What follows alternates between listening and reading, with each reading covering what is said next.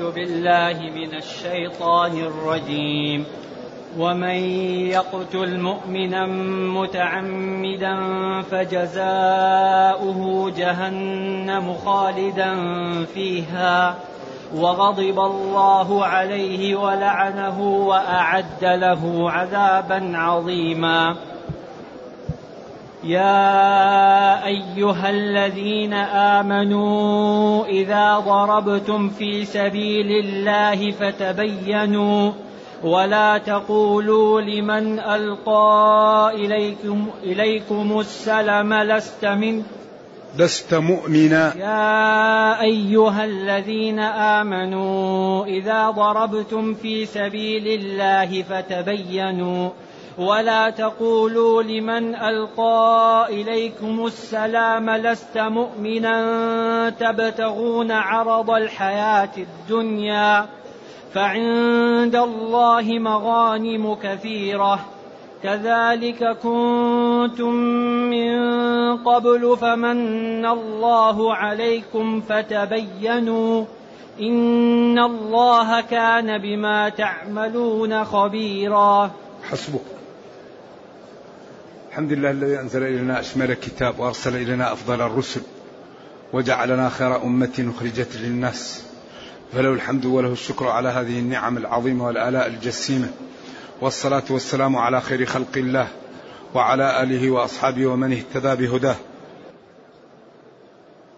أما بعد فإن هذه الآيات من أمهات آيات الأحكام التي تبين خطورة الدماء وما يلزم فيها.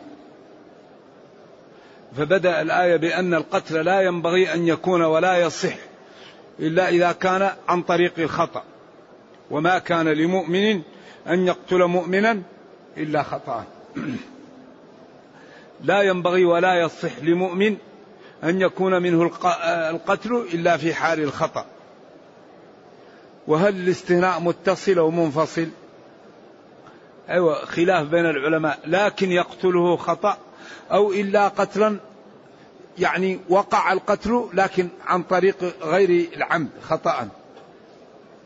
والفرق بين الاستثناء المتصل والمنفصل أن الاستثناء المتصل من جنس المستثنى والمنفصل يكون لا يدخل في الأول أصلا. ولذلك بعض العلماء قال الاستثناء متصل لأنه قتل. ما كان لمؤمن أن يقتل مؤمنا. لكن وحصل القتل لكن في حال الخطأ. بعضهم يقول لا هذا ليس من جنسه لأن ذلك عمد وهذا خطأ وهذا جنس آخر إذا لكن خطأ. وهذا سبب خلاف الاختلاف بين المفسرين في هذا ال... وفيه الحقيقة رسالة كبيرة الاستغناء في أحكام الاستثناء أحكام الاستثناء في الشريعة وفي رسالة قديمة عملها الإمام القرافي. وهي مطبوعة مجلد كبير كله عن أحكام الاستثناء في الشريعة. وهي رسالة جيدة ومطبوعة ومتداولة. إذا لا يصح لمؤمن أن يقتل مؤمنا في حال من الأحوال إلا إذا كان ذلك القتل لا أيوة. لا, ذنب له فيه أو لا يملكه وهو قتل الخطأ لأنه مرفوع عنه. إلا قتلا لا ذنب فيه وهو الخطأ. نعم. ثم من حصل منه ومن قتل مؤمنا خطأ فتحرير رقبة. قال العلماء هذا علاج لنوع التفريط الذي حصل لأنه حصل منه القتل. لأنه لو كان احتاط لربما لم يحصل ذلك. ومنهم من يقول القتل العمد ما يكون في شيء لعظمه كما سيأتي قريب.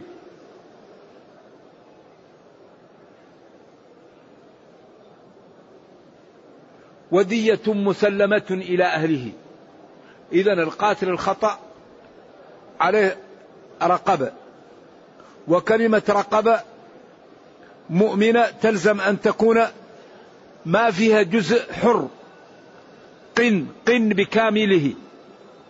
أي رقبة وقوله رقبة أن تكون سليمة. وقوله مؤمنة أن تكون بالغة وصلت عند بعضهم. لأن الصغير إلى الآن لا ندري هل وقيل من كان أبواه مؤمنين فيجزي. وإن كان المقتول من قوم بينكم وبينهم ميثاق من العلماء من قال وهو مؤمن وحمل المطلق على المقيد ومنهم من قال لا. وإن كان من قوم بينكم وبينهم ميثاق وهو غير مسلم فتحرير رقبة ودية. إذا الإسلام يحافظ على العهود ويحرم نقض العهود. ويجعل من يقتل مستأمنا أو معاهدا عليه الإثم. ولا يجيز الإسلام الظلم. فلذلك حذاري حذاري من ظلم المسلم لغير المسلم وبالأخص إذا كان المسلمون يعيشون في بلاد غير إسلامية وكانت هناك أقليات مسلمة فظلمها لغير المسلمين تشويه للإسلام. إذا أرى أن الأقليات المسلمة التي تعيش في بلاد كافرة فظلمها للكفار تشويه للإسلام. إذا على هؤلاء من الانضباط والاستقامة والبعد عن الظلم ما لم يكن على المسلمين الذين بين المسلمين لأن المسلم إذا كان بين المسلمين لو ظلم المسلمون يعرفون أن الإسلام يحرم الظلم. كذب الإسلام يحرم الكذب الغش الإسلام يحرم الغش. لكن هؤلاء كثير منهم يجهلون الإسلام. فإذا رأوا المسلمين يقترفون المعاصي ويغشون ويزورون الأوراق ويزورون الشهادات ويزورون شهادات المرض قالوا هذا بسبب دينهم. إذا دينهم يدعوهم إلى الغش إذا هذا الدين لا يصلح.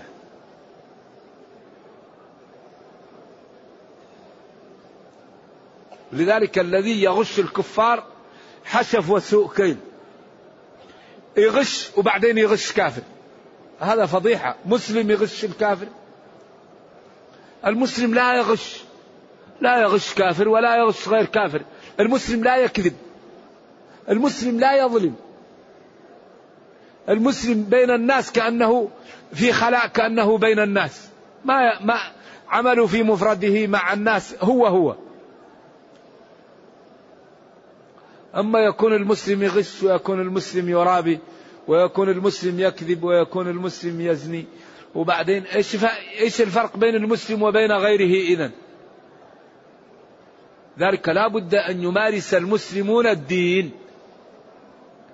لا بد أن يمارسوا الاستقامة لا بد أن يبتعدوا عن الحرام لا بد أن يبتعدوا عن الشبه حتى يظهروا للناس جمال هذا الدين في حياتهم. الصحابة رضي الله عنهم نشروا الإسلام في مدة وجيزة بماذا بالسلوك. أيوة السلوك. الصحابي لا يكذب. لا يظلم لا يغش. يصدق. إذا جاء صديق وعدو بينهما خصومة الذي له الحق يعطيه إياه سواء كان عدو أو صديق. ذلك هم كانوا يعلمون المنافقون. إذا كان أحدهم له الحق قالوا نذهب إلى من؟ إلى الرسول صلى الله عليه وسلم. وإذا كان الحق عليه يقول لا نذهب إلى كعب بن الأشرف. لأنه يعلم أن كعب بن الأشرف يرتشي ويأخذ الرشوة. النبي صلى الله عليه وسلم والصحابة لا يأخذون الرشوة. فإذا كان واحد منهم غاش يقولوا لا نذهب إلى الكعب. وإذا كان واحد عنده الحق لا يقول نذهب إلى الرسول صلى الله عليه وسلم. لأنهم يعرفون بالخلطة وبالمعاملة أن المسلمين لا يغشون. إذا لا بد أن نعود أنفسنا على الصدق. على النزاهة على عدم الكذب على عدم الظلم على ممارسة الدين حتى يظهر جماله للناس فتدخل الناس في دين الله أفواجا. إذا يقول فإن كان من قوم عدو لكم وهو مؤمن فتحرير رقبة وإن كان من قوم بينكم وبينهم ميثاق هل وهو مؤمن؟ أو وهو غير مؤمن. قولان للعلماء. مالك وجماعة من العلماء حملوا المطلق على المقيد.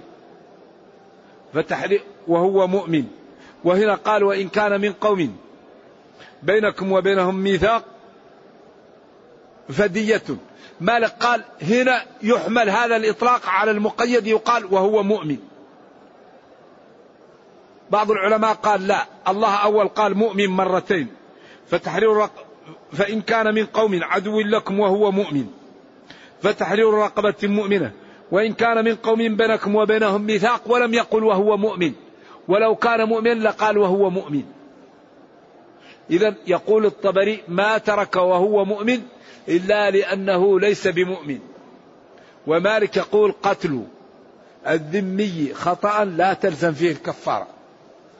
وكثير من العلماء على ظاهر هذه الآية قالوا قتل الذمي خطأ تلزم فيه الكفارة والدية لأهله. وهذا الذي هو ظاهر الآية وهو اختيار كبير المفسرين ابن جرير الطبري وجماعة من العلماء. فمن لم يجد الرقبة لعدم وجودها أو لعجزه فصيام شهرين متتابعين لا يضر القطع للعذر القهري. أما العذر الغير قهري لا بد أن يعيد الصيام من أوله. توبة. عمل ذلك الله تعالى توبة عليه ورحمة به وجبرا لما حصل منه. والله وكان الله جل وعلا عليما بنياتكم حكيما في تشريعه وما دام الله حكيما وعليما فبادروا بتنفيذ أوامره واجتناب نواهيه فإن في ذلك السعادة والفوز والرحمة والبعد عن أماكن آه، يعني الهلكة. طيب والذي يقع منه القتل عمدا فما الحكم؟ قال ومن يقتل مؤمنا متعمدا؟ من؟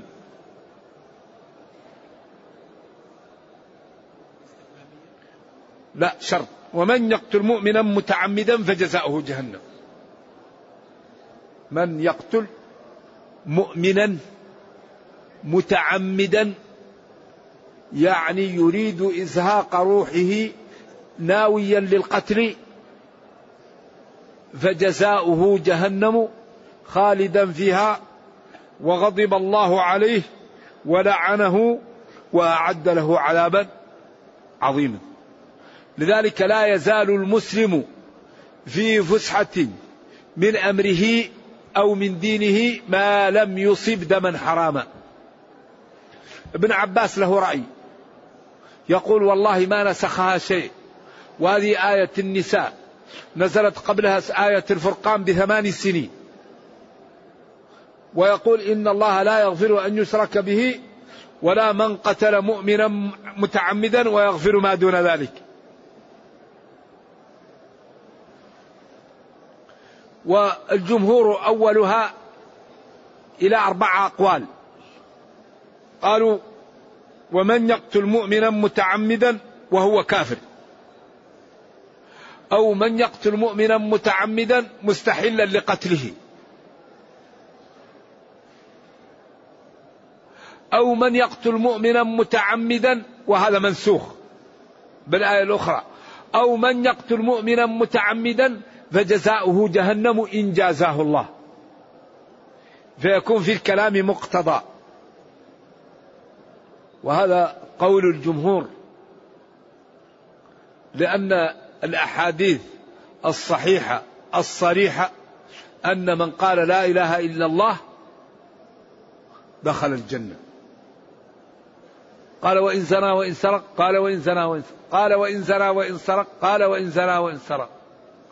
قال وإن زنى وإن سرق قال وإن رغم أنف أبي ذر. على رغم أنف أبي ذر. صار أبو ذر يقول وإن زنى وإن سرق وإن رغم أنف أبي ذر.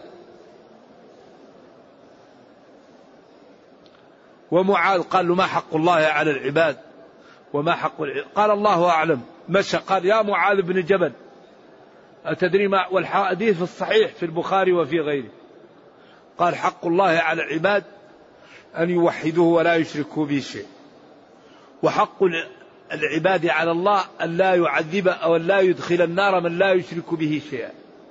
قال أفلا أبشر الناس؟ قال إذا يتكلوا. إذا أو في رواية لا تبشرهم فيتكلوا. فلما كان معاذ في آخر حياته وقربت أجله عند موته أخبر تأثما من كتم العلم. ما أخبر به معاذ إلا في آخر حياته خوفا من أن يكتم العلم لأن كتم العلم فيه ذنب. إذا ربنا كريم والخير عميم ولكن ينبغي للإنسان أن ينتبه. المتهورون والمتهوكون والذين لا يبالون هذا في خطر. الله كريم ورحيم ولكن جبار. وإذا أخذ الظالم لم يفرته إن الله لا يملي للظالم حتى إذا أخذه لم يفرته إن بطش ربك شديد. وكذلك أخذ ربك إذا أخذ القرى وهي ظالمة إن أخذه ولكن يعفو عن كثير. ويعفو عن السيئات. والحسنة بعشر أمثالها ومن تاب تاب الله عليه. إذا ومن يقتل مؤمنا متعمدا فجزاؤه جهنم. قلنا إن القتل كم نوع؟ ثلاثة أنواع. قتل خطأ وقتل شبه عمد وقتل عمد. قتل شبه العمد أن تأخذ الإنسان وتضربه بعصا. عصا. هذا شبه عمد لأن العصا هذه العادة ما تقتل كثير. أو تأخذ حصى غير كبير وتضربه به. القتل العمد أن تأخذ سكين وتضربه في قلبه. أو أن تأخذ سلاح. أو أن تأخذ عمود كبير عمود. قد تضربه على الرأس على قوتك هذا أو ت...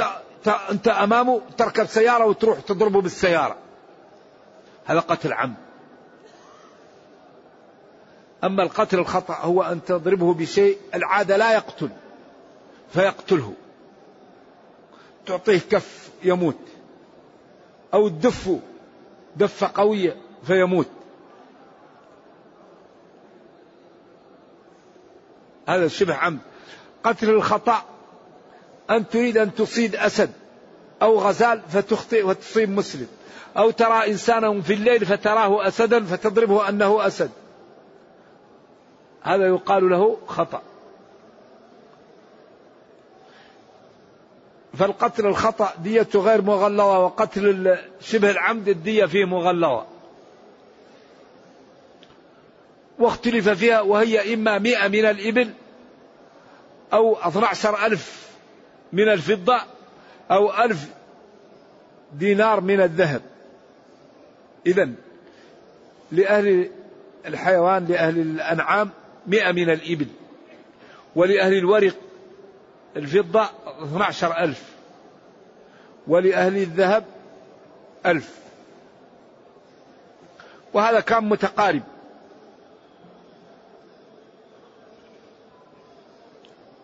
وكان النبي صلى الله عليه وسلم يعطي الدية مؤجلة تأليفا للناس ورحمة بهم وذهابا للضغينة. ولكن العلماء قالوا تعطى في ثلاث سنوات لأن إعطاءها حالة ربما يكون فيه ضرر بأهل الإبل فتؤجل لهم حتى يجمعوا هذا العدد. نعم. ودية العمد. إذا تنازل أهل القتيل عنها فهي تلزم القاتل. أما الخطأ وشبه العمد فهي على العاقلة وهذا من تكافل الشريعة ودعوتها للتعاون. لأن إذا كان كل إنسان أخطأ وقتل يلزمه يكون هذا إجحاف به. يكون هذا إجحافا به لكن جعلت على العاقلة رفقا بالناس وتعاونا. ولازم الدية على العاقلة ولذلك من الأمور العجيبة أن دم المسلم لا يترك هدر. إذا قتل المسلم لا بد أن تكون في دية. ولذلك إذا وجد قتيل في مكان فيقال لأهل المقتول من تحلفون عليه خمسين يمينا ويعطى لكم وهو الذي يسمى ماذا؟ القسامة. ولذلك حديث محيصة وحويصة لما ذهب عبد الله لخيبر وقتل عبد الله فقال تحلفون يمينا ليهود وتأخذون صاحبكم أو تأخذونه تستحقون دم صاحبكم. فقالوا كيف نحلف على شيء لم نره قال تحلف لكم يهود خمسين يمينا. قال يهود كذبة. فوداه النبي صلى الله عليه وسلم بمئة ناقة من إبل الصدقة. قال الراوي ف يعني رفستني إحدى تلك النوق من تلك الصدقة مما يدل على حفظه. ولذلك بعض العلماء يقول القسامة هذه أمرها عجيب. لكن القسامة أمرها عجيب لكن لا بد فيها من اللوث. ولذا ما في مسلم يقسم على الكذب. واللوث هو الأمارات. مثل أن تجد واحد يده فيها سكين وفيه دم وجنبه الميت يتشحط بدمه. فلا يقسمون إلا باللوث والتحقيق أن القسامة يستحق بها إيش؟ دم المقتول. ولذلك قال خذوه برمته. وبعدين أخذوه وعفوا عنه. فالمقتول لا يترك من غير دية. فالخطأ فيه الدية والعمد فيه القصاص. فإن تنازل عن القصاص بالدية أو بأكثر منها له ذلك. وشبه العمد فيه الدية مغلظة. وقتل الذي يكون إنسان مقتول ولا يعرف أهل المقتول يقولوا لهم اذهبوا تجمع منكم خمسين وتحلفون على واحد من هؤلاء ويعطى لكم. طبعا ما هو مسلم رايح يحلف بالكذب. فإذا لم يحلفوا يعني طبعا يودى ولذلك النبي صلى الله عليه وسلم لأن الصحابة لم يحلفوا ولم يرضوا اليهود يحلفون لهم وداه هو. ولذلك اختلف العلماء في القسامة. قال تلزم بها الدية ومنهم من قال لا يلزم بها. ومنهم من قال تلزم بها الدية ويلزم بها القول. نعم. وهذا الذي يعني تساعده النصوص. إذا هذا أشد شيء على حفظ النفوس. ومن يقتل مؤمنا متعمدا فجزاؤه جهنم خالدا فيها. وغضب الله عليه. ولعنه وأعد له عذابا عظيما. هذه أمور تنفر من الدماء ولذلك قال في المائدة ومن أحياها فكأنما أحيا الناس جميعا. من قتل نفسا بغير نفس أو فساد في الأرض فكأنما قتل الناس جميعا. ومن أحياها وهذا تغليظ في العقوبة وترغيب في إنقاذ الناس والبعد عن دمائهم. ولذلك قال الله تعالى ولكم في القصاص حياة. هذا تعبير رائع وأسلوب وصل من البلاغة والإيجاز ما تتقاصر عنه عقول أصحاب الفهم والبلاغة ولكم أنتم أيها الناس في القصاص حياة جعل الموت حياة. ولكم لا لغيركم في القصاص في القتل حياته. لذلك هم كانوا ينقلون القتل أنفال القتل القتل والقتل. هنا قال ولكم في القصاص أي لا في غير حياة. فجعل القتل حياة لأن الإنسان إذا غضب وأراد أن يقتل تذكر أنه سيقتل فسلم من القتل وسلم الآخر من القتل فأصبح القصاص حياة للاثنين. لأن كل من أراد أن يقتل وتذكر أنه إذا قتل يقتل خاف. وترك القتل فسلم هو وسلم الثاني فأصبح القصاص حياة للاثنين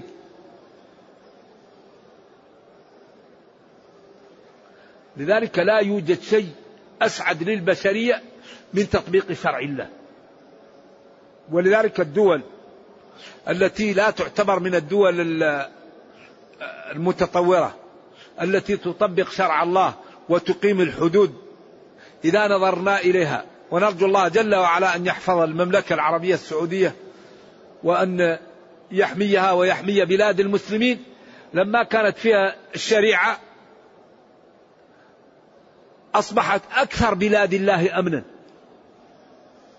أقل البلاد الجرام هذا البلد بفضل الله ثم بفضل الشريعة. لذلك الله يقول ولكم في القصاص حياة. ولذلك تشريع الله هو الذي يردع المجرمين لأن الخالق هو المحيط علمه بكل شيء. أما القوانين الوضعية فأهلها عاجزون أن يضعوا التشريع الذي يحل المشاكل. لذلك تجد أن لا يردع عن السرقة إلا عقوبة القرآن. السارق لا يردعه إلا أن تقطع إيش؟ يده. ولذلك هذه اليد النجسة التي نجست صاحبها وجعلت ملايين الأيدي عاطلة رحمها ربها بأن يقطعها ليطهر صاحبها وليرتدع هو وإذا رآه الآخرون ارتدعوا. ولذلك قال تعالى جزاء بما كسبا نكالا من الله والله عزيز حكيم. فلذلك لا يردع عن عن عن العقوبات عن الإجرام إلا العقوبات المقررة شرعا. ولذلك من من الأمور التي ينتقد فيها أصحاب القوانين الوضعية الإسلام عقوبة السرقة وعقوبة الزاني المحصن. هذه من المسائل التي ينتقد فيها أهل القوانين الوضعية الإسلام ويقول هذا فيه شدة وفيه لكن الإسلام هو الذي عقوباته تتجه مع الجرائم. فلذلك لو طبق المسلمون عقوبات الشرعية لما بقى في بلاد الإسلام مجرم. لأن هذه العقوبات هي التي تحمي لذلك السرقة لا بد أن يكون سرق من حرز ولا بد أن يكون سرق نصابا ولا بد أن يكون في وقت غير مجاعة ولا بد أن يكون المال لا شخص له فيه ولا علاقة له به. فإذا كان جوعانا أو محتاجا أو كان في وقت الشدة أو كان المال لا يوجد في حرز أو كان المسروق ليس بنصاب لا تتحقق العقوبة. فلذلك الله تعالى طهر صاحب هذه العقوبة بأن جعل هذه اليد النجسة تقطع فيطهر صاحبها ويخاف الآخرون من أن يفعلوا مثل هذا. لذلك هي زواجر وجوابر. من أتى شيئا من هذه القاذورات وعوقب به في الدنيا فهو كفارة له. لذلك الله أمر في هذه الحدود قال وليشهد عذابهما فاجلدوا اللي هو الذي يعمل الفاحشة زانية والزاني. يرحمك الله. فاجلدوا كل واحد منهما مئة جلدة. ولا تأخذكم بهما رأفة لأجل دين الله. ثم قال وليشهد عذابهما. قال يشهدها ليروا ليبلغوا. قال يشهد ليدعو لهم. ليقول اللهم استرهم اللهم ارحمهم. قال يشهد ليقول للناس رأيت اليوم فلانا أقيم عليه الحد فيخاف الناس ويرتدعوا. لذلك لم تثبت هذه الجريمة إلا بالاعتراف. لم تثبت جريمة الزنا في الإسلام إلا بالاعتراف. معز قال هو فعل فالتفت عنه. قال أنا فعلت التفت عنه. قال أنا فعلت. بعد الرابعة قال له أبيك جنون؟ قال لا. قال اذهبوا فارجموا الغامدية جاءت وقالت هي حبلى من من الزنا. قال تابت توبة لقسمت على سبعين من أهل المدينة لكفتهم. الجود بالنفس أقصى غاية الجود. ما يثبت أبدا إلا بالاعتراف. لذلك لما جاء الرجل قال له هل لا كان قبل أن تأتيني؟ الذي سرق رداءه. إذا يقول جل وعلا ومن يقتل مؤمنا متعمدا فجزاؤه جهنم خالدا فيها وغضب الله عليه ولعنه وأعد له عذابا عظيما. قال العلماء التحقيق في هذا إن جازاه الله وهو الذي ذكره ابن قدامة في المغني وذكره الطبري وذكره العلماء وقالوا النصوص الكثيرة المتوافرة تدل على أن كل ذنب تيب منه يغفر حتى ولو الشرك. قل يا عبادي الذين أسرفوا على أنفسهم لا تقنطوا من رحمة الله. إن الله يغفر الذنوب جميعا. إنه هو الغفور الرحيم. وأنيبوا إلى ربكم. التوبة تجب ما قبلها. من تاب تاب الله عليه. اذا كل مسلم عمل ذنبا وتاب منه وكل حتى الكافر إذا تاب من الكفر قبل أن يموت قبل منه التوبة. وما دام الكفر إذا تاب صاحبه يقبل منه فكذلك ماذا؟ القاتل. لكن ابن عباس يقول غير هذا. ابن عباس يقول القاتل لا يهيأ للتوبة أصلا. الله لا يوفقه لأن يتوب. لأن الله قال ومن يقتل مؤمنا متعمدا فجزاؤه جهنم. ويقول هذه الآية متأخرة. وهو لا يهيأ للتوبة. الله يحميه من التوبة ويبعده عن التوبة فيموت وهو غير تائب فيعاقب. ولذلك قالوا خالدا فيها أي باقيا في, في النار مدة طويلة. والخلود البقاء الطويل.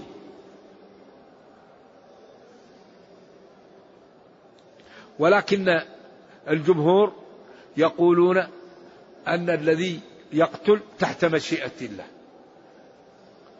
إن شاء غفر له وإن شاء عذبه ولكن القتل ذنب كبير ومعصية عظيمة. فلذلك ينبغي المسلم أن يبتعد عن دماء المسلمين ويبتعد عن أعراضهم لأن الأعراض أصحابها يكونوا يوم القيامة مفلسين. الذين يأكلون أعراض الناس هم المفلسون. ما تعدون المفلس فيكم؟ قالوا من لا مال له؟ قال لا. الذي يأتي يوم القيامة بمثل أحد حسنات وضرب هذا وشتم هذا وأخذ مال هذا. فتؤخذ حسناته وتقسم على الدائنين ثم بعد ذلك تؤخذ سيئاتهم وتوضع عليه ويرمى في جهنم. ولذلك لما قال للرجل الصيني قال له أمسك عليك هذا وأشار إلى لسانه. قال وهل نحن مؤاخذون بما نقول؟ قال ثكلتك أمك.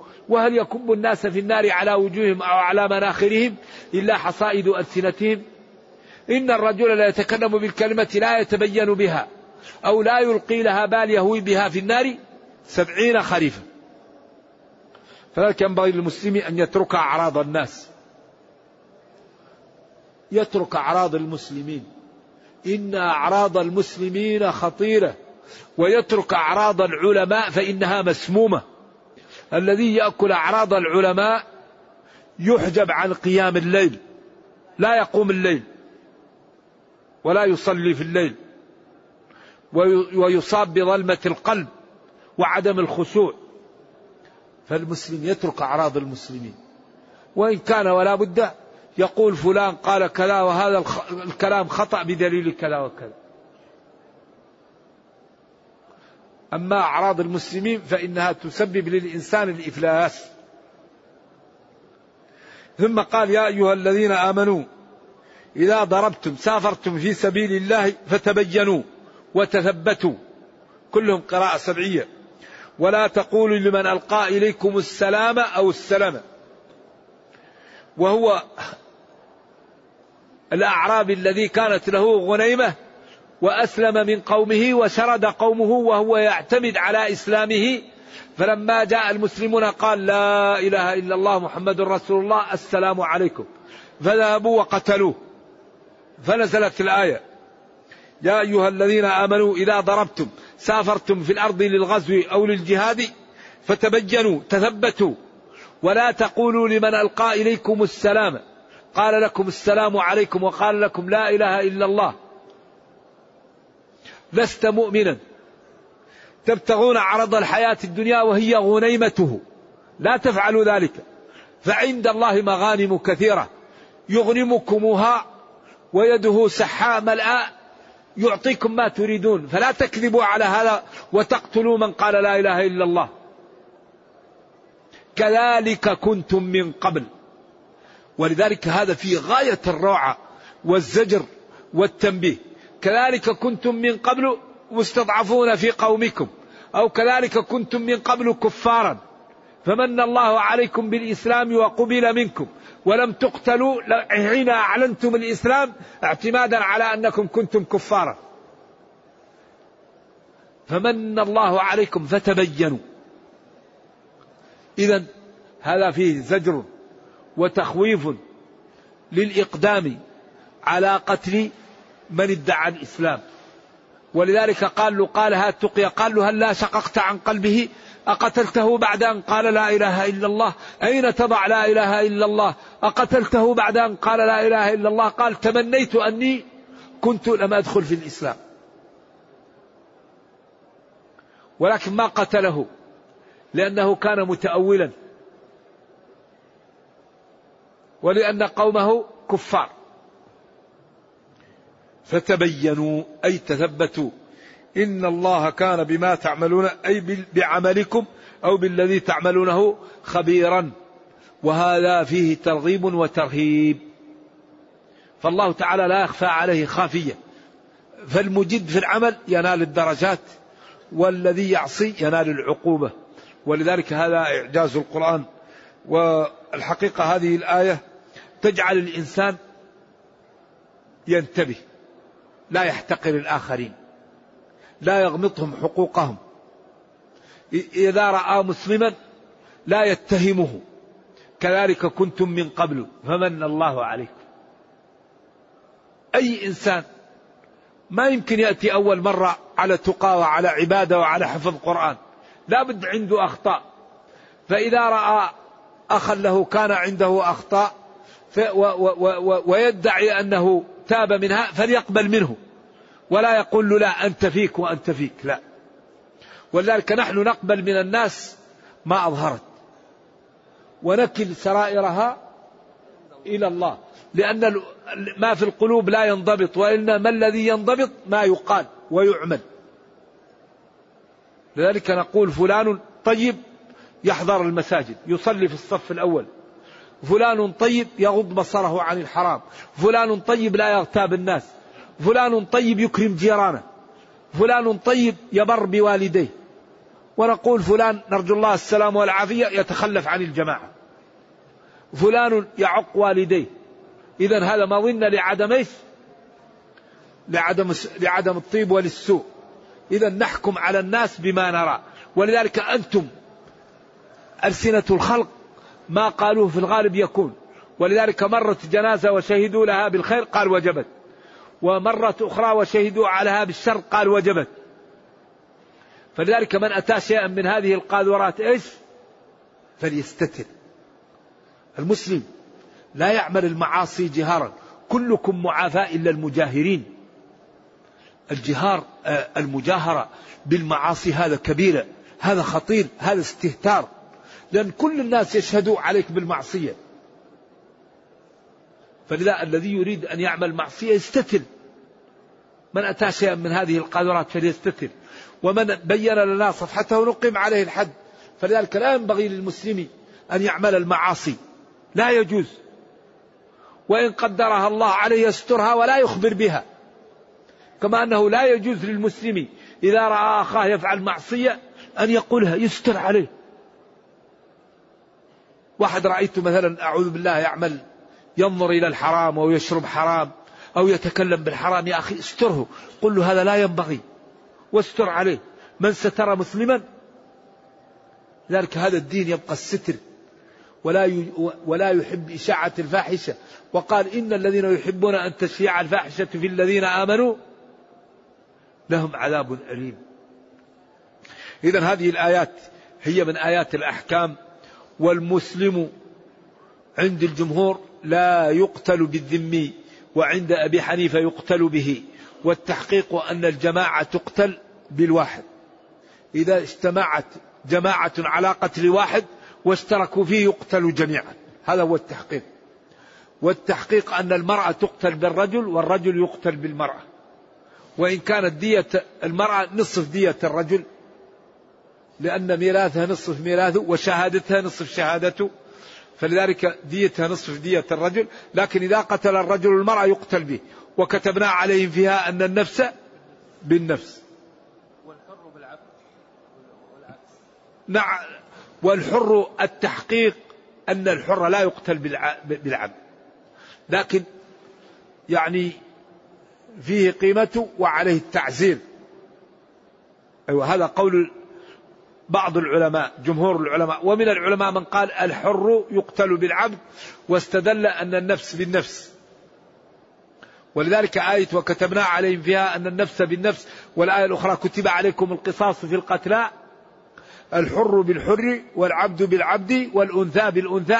هذه نزلت على قضية خاصة كانت بين الأنصار.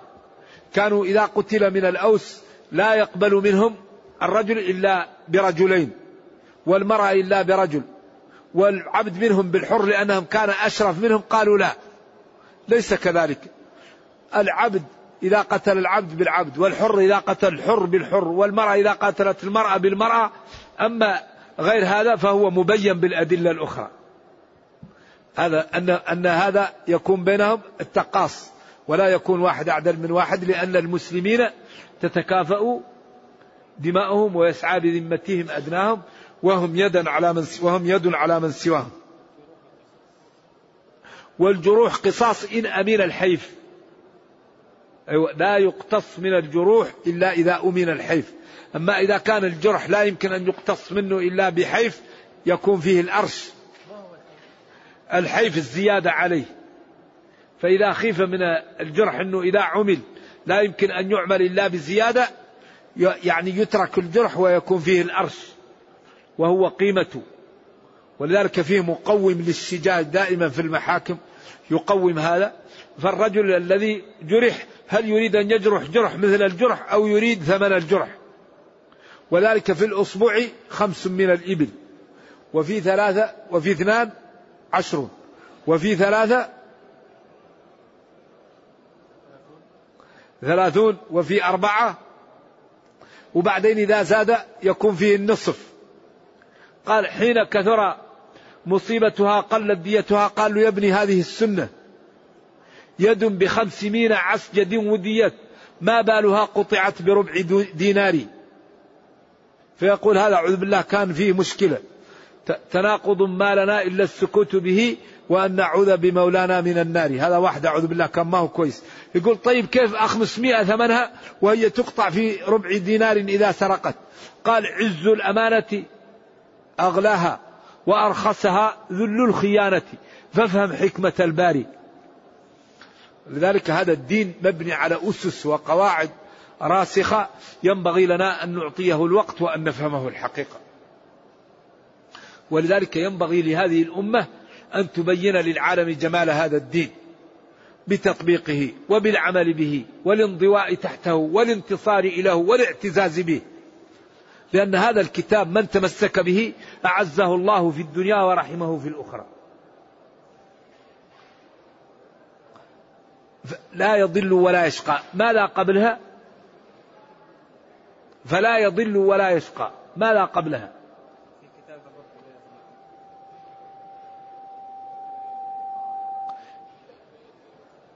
فإما يأتينكم مني هدى فمن اتبع هداي فلا يضل ولا يشقى. ومن أعرض عنه فإن له معيشة ضنكا. ويحشر يوم القيامة أعمى. والله لا ينطق عن الهوى. والذي يريد العيشة الضنك الذي يعيشها الكفار يذهب إلى الكفار.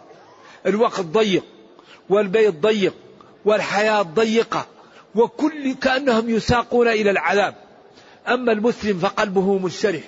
وحياته منشرحة وفي بيته منشرح ويشعر بالطمأنينة والسعادة.